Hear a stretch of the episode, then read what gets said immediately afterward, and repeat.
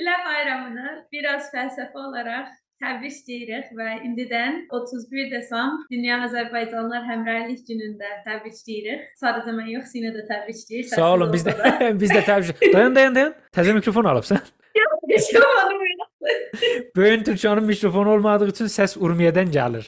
Çox uzaqdan gəlir səsi. E, amma olsun, bizim dinləyicilər dayanıqlıdılar, qulaq asırlar. 15 dəqiqə fəlsəfəyə qulaq asdıqları kimi bu qədər bu günəcək bizi təhammül etdikləri üçün bu gün bundan sonra da hər cürə çıxsaq zədə eləyəcəklər, təhammül eləyəcəklər. Mikrofonun kodunu almışam biraz Səs çox idi çaşıb qalmışam biraz Mikrofonun kodunu almışam biraz Səs çox idi çaşıb qalmışam biraz Təşəkkürlər Türkan. E, mən də təbrik edirəm. Bilmirəm, bunu fikrim çillədən sonra yayınlayacağıq. Yəni zəbt eləyirik olsun mantıqlı. çillədə e, və Əmrəyli günü də təbrik edirik. Biraz fəlsəfədəki az orada e, azlıq anlamına gəlmir orada Azərbaycan Hı. anlamına gəlir. Bir Azərbaycan fəlsəfə. Ona görə fərqli yazılır, ayrı yazılır. Yəni imla qələti deyil ha, onu sabah zədə Buradan eləyəcək. bütün fanlarımıza duyururuq. Bir Azərbaycan fəlsəfə, bir Azərbaycan qədər fəlsəfə. Ya proyeni başlayanda da fəlsəfə üçün yox, bəlkə öz ana dilimizdə bir proje yaradıb və bu dilin sadəcə Məmməd Hüseyn Şəhriyar e, dili olmadığını, sadəcə şeirdə keyf-əhval dili olmadığını, bəlkə fəlsəfədə də bu dil, fəlsəfə danışa biləcəyimiz bir dildir. Yəni o kapasitədə bir dil olduğunu istəyirik görsədək. Onun üçün biraz bir Azərbaycan fəlsəfə. Təbii ki, bir az da fəlsəfə danışırıq, çox danışmırıq burada. Evet. O da ola bilər. Amma nəysə çox uzatdıq. Yəni heç bunu nəyə açıqladıq? Qərarda da açıqlayaq. O kod kimin qalacaqdı o ad? Nəysə açıqladıq bu gün. E, Çillə mübarək Əmrəylik günü mübarək. Biraz felsefe. Biraz. Biraz felsefe. Biraz felsefe. Biraz felsefe. Biraz fəlsəfə Biraz fəlsəfə. Biraz. Fəlsəfə.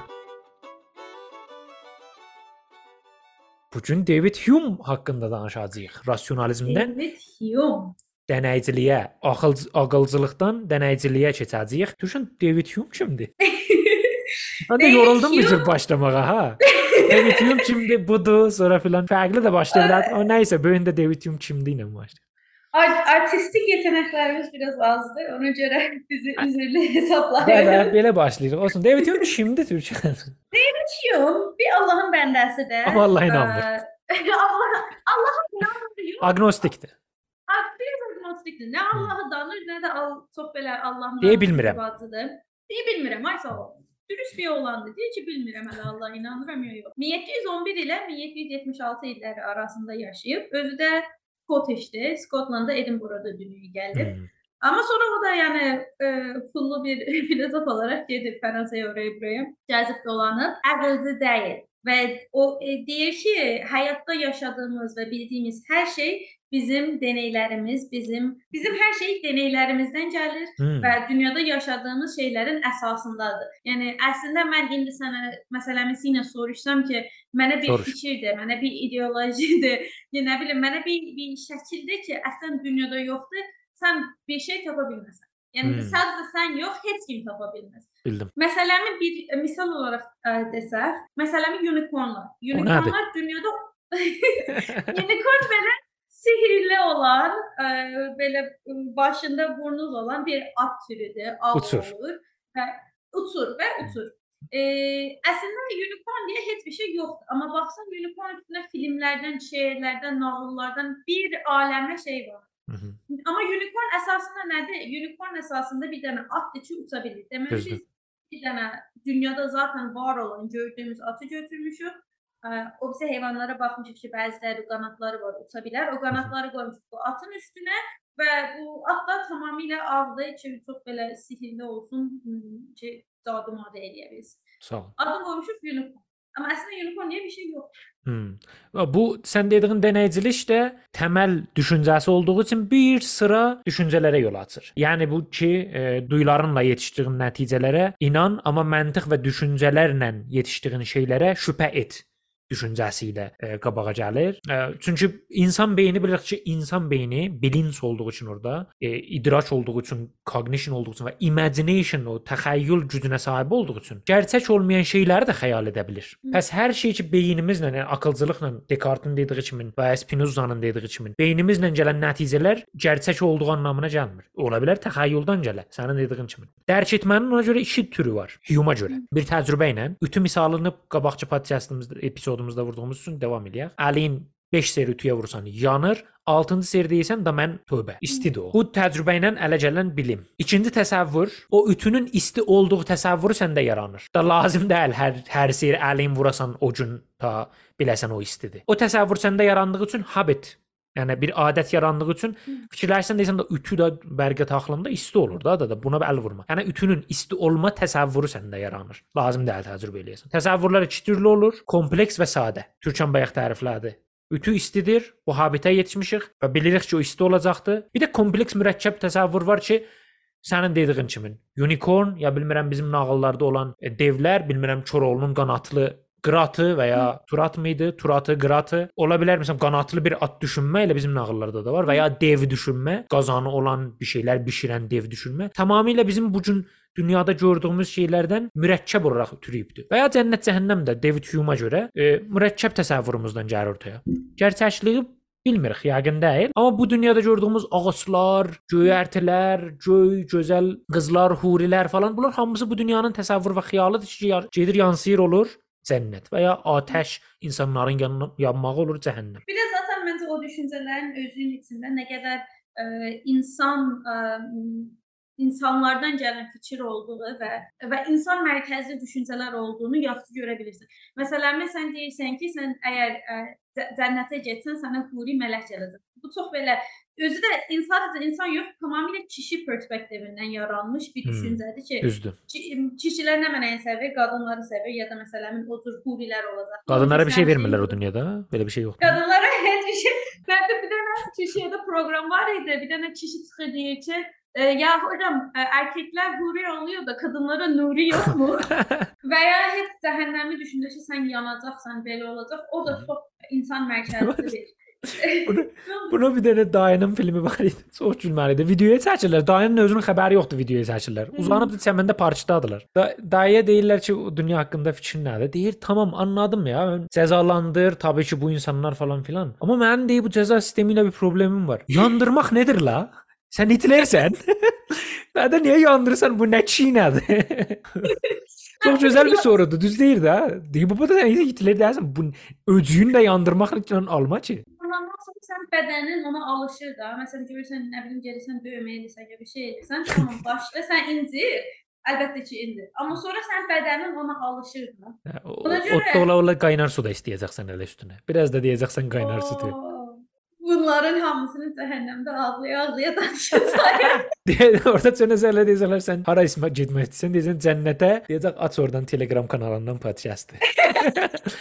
Görün bu cənnətə gedəcək yoxsa cəhənnəmə. Burada bir də batı fəlsəfəsi danışırıq fəqət. O da bir başqa bir məsələdir. Heç doğudan heç bir İbn fəlsəfə. Sina oturub danışsaydıq yenə bəlkə bir, bir yerdən qurtarma şansımız olardı. Oturmuşuq xristianların fəlsəfələrini danışırıq. Bu bir, bu bir e, kompleks təcrübədən gələn düşüncələr. Bunun əsasında təbii ki, kozalitiyə də nəqd gətirir. Türkan indi onu tozif edəcək. Yəni bir habit məsələsi var orada. Kozality deyir, yəni o gərəksiz gərəkircilik dedik ha, Spinoza-da deyir, hər şeyin səbəb-sonuc ilişkisində olur. Bizim özgür iradə deyə bir şey yoxdur məsələsi və ya hər şeyin hər səbəbin bir sonucu var. İlişkiləri ki beynimizdə qurulub, yəni bu məsələn, əlan bilmirəm, bir topa ə, şut vursam top gedər. İlişkisi həmişə düz olmaya bilər. Niyə Türkan? Hume deyir ki, nədənsəllik nəsnələrdə və ya əşyalarda deyil. Bu sadəcə insan beynində, yəni bizim o olayları algılama və ya görmə şəklimizdədir. Deyir ki, A B-yə səbəb olurdu. Biz əslində A-nın B-yə səbəb olduğunu görmürük. Biz sadəcə A-dan sonra B-nin gəldiyini görürük. Hmm. Yəni bəlkə əslində bunu tərsə fikirləsən, bəlkə beynin gəlməsidir ki, A-nın olmasına zəruriyyət yaradır. E, yəni biz əslində o, o kauzaliti ya nədənsəlliyi görə bilmirik və müşahidə edə bilmirik. Hmm. Sadəcə iki dənə olayın ard-arda olduğunu görürük. Düzdür. Və sonra biz bunu beynimizdə deyirik ki, aha, hər dəfə A-dan sonra B gəldiyi üçün pəs deməli A B-yə səbəb. AB-yə səbəb də olmaya bilər. Yəni o alışqanlıqlar dünyada məsələn topa hər seri mən qıçımı vurmuşam, şut vurmuşam, top hərəkət eləyib. Yəni mənim hərəkət eləyən qıçım sabit olan topu hərəkətə çıxardıbdı da, düzdür? Bu bu özür olmaya da bilər. Bir top ola bilər bu dünyada ki, hərəkətə çıxmaya mənim hərəkət eləyən qıçımdan. Ağır bir top ola bilər. Qıra. Tamam? Başqa bir də. Yəni bu nəticələr həmişə problemli ola bilərlər də. Bu kozaliti dediyimiz məsələ problemli ola bilər. Buradan ikinci bir məsələyə gəlir. Olan olması gərəkən problemi. Məsələn, mən həmişə topa vurmuşam, topa qıçımı vurmuşam və top hərəkətə çıxıbdı. Bu olan şeydir, düzdür? Buradan bu nəticəni almamamız gərəkir ki, həyatı belə quraq ki, həmişə qıç topu hərəkətə çıxardar. Yəni olması gərəkən də budur ki, qıç topu həmişə hərəkətə çıxardar. Bunu daha sosial, yəni burada bir problem yoxdur təbii ki, top hərəkətə çıxartdı və ya çıxartmadı, həyatda bizə bir problem deyil. Amma problem o zaman yaradır ki, böyük e, məsələlərdə bu e, problemlə, yəni out is problemi ilə qarşılaşırıq. Olan olması gərəkəndən.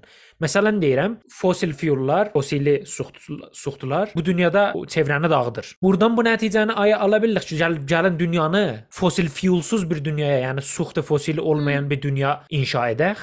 Beləmi olmalıdır? Yəni ol, olan düzdür, olan odur ki, dünyanı dağıdır bu fosili suxtular. Amma olması gərəkən budur ki, onu aradan aparaq tamamilə, yəni %100 ataq bir qırağa eləyə bilərik. Eləsək nə olar? Elə bir dünya inşa edə bilərik. Bu problemlər yaraya çıxır. Yəni onun üçün out is bir bir, bir problemdir də bu dünyada, yəni bir, bir policy problemidir. Yox, tamamilə qatılıram və buna görədir ki, Hume deyir, səbəblər və nəticələr ağılla deyil, təcrübə ilə aşkar edir. O sən fosil yakıtların dedin, ya fosil fuelların dedin də. Onlar zaten neçə min ildir dünyada vardılar da. Pəs onların olması problem deyil. Biz onları necə işlətdiyimiz problemi. Yəni bizim ə, o o fosil fuelları necə təcrübə elədiyimiz əslində problemi yaradır. Biz bəlkə onları ayrı cür işlətsək və ya ayrı şeylərə səbəb olsa, bəlkə onlar çox daha yaxşı ə, ə, ya pozitiv bir nəticələri olar. Ən son nəticə aldığı məsələ ki, o son nəticələrdən biri yəni ömrünün sonlarına doğru g'ayi argüman dediyimiz teleological argüman və ya burhan-ı nəzm deyilir farsçada. Bunu çürütməkdir. Ki bu dünyada bir, yəni bu elə həmin məsələnin idaməsidir. Out is problemindən gələn e, nədənsəllik falan filan. Deyir ki, bu dünya bu burhanı nəzm və ya teleological g'ayi argüman nə mənə deyir? Deyir ki, bu dünya çox sistemik işləyir. Arılar birləşirlər, ev yaradarlar, qarışqalar e, sistemi üstündə insanlar bir cür işləyir, dünya belə dönür ki, nəzmdir. Bəs bu nəzm olsa, bəs buna da bir nazim ehtiyacdır. Bir yaradan var və bu da intelligent olması lazımdır. Niyə ki, dünya çox sistemik və intelligent olduğu üçün nazim də intelligent olması lazımdır. Bunu da çürüdür Hume. Həmin o məsələdən ki, biz hər şeyi qiyasla, təcrübə ilə nəticəyə yetişirik və ona görə də problemli ola bilər. Əgər bilimə təcrübə ilə yetişirik, deyirik ki, dünya çox intelligentdir, hər nə nəzmlidir. Birincisi ki, hələ bunu hansı dünya ilə qiyaslayırsan? Dəqiqən. Neçə dənə dünya görübsən hələ deyirsən, evren dünya zaddır. Hələ təzə bir təzə buranı kəşf eləyirik. Təzə öz dünyamızı kəşf eləyirik yavaş-yavaş ki, onun içində də min bir problem var. Ay bilmirəm, Ərəbistan quraqlıqdır, istidir filandır. Bir yerdə çox sərsəbzlik var. Çox da nəzmli görüşmür əslində.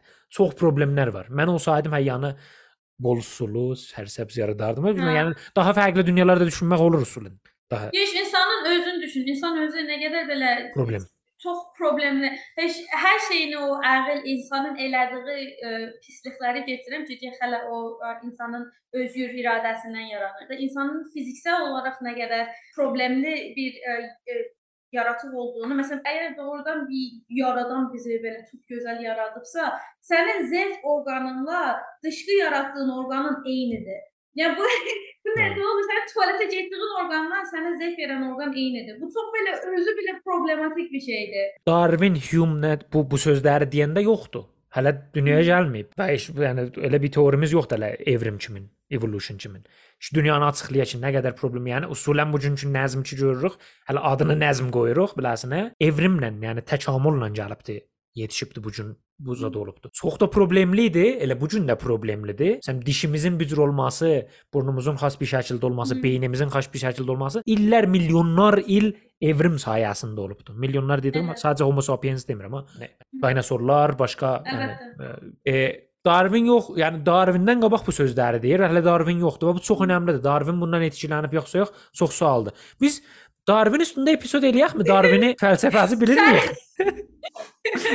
Bir də təzə ili indidən hamına təbrikdir, hamıya təbrik edirəm. Təbrik deyirik. Genel görüşmək üzrə. Sen bu espriyi bir tane uçak kirala arkasına koy bu espriyi. Yedi dübel gülsün buna. Ulan gülmekten öldüm yemin ediyorum ya. Bu kadar... Aa! Yani biraz az komedi yap bunun. Gene güleceğim. Çıkalım dağların başına. Hep beraber hava çekerek bu espriye gülerim. Yani bu esprinin karşılığı çok daha kaliteli esprilerin önünü de açarım. Ülke olarak kalkınırız yani.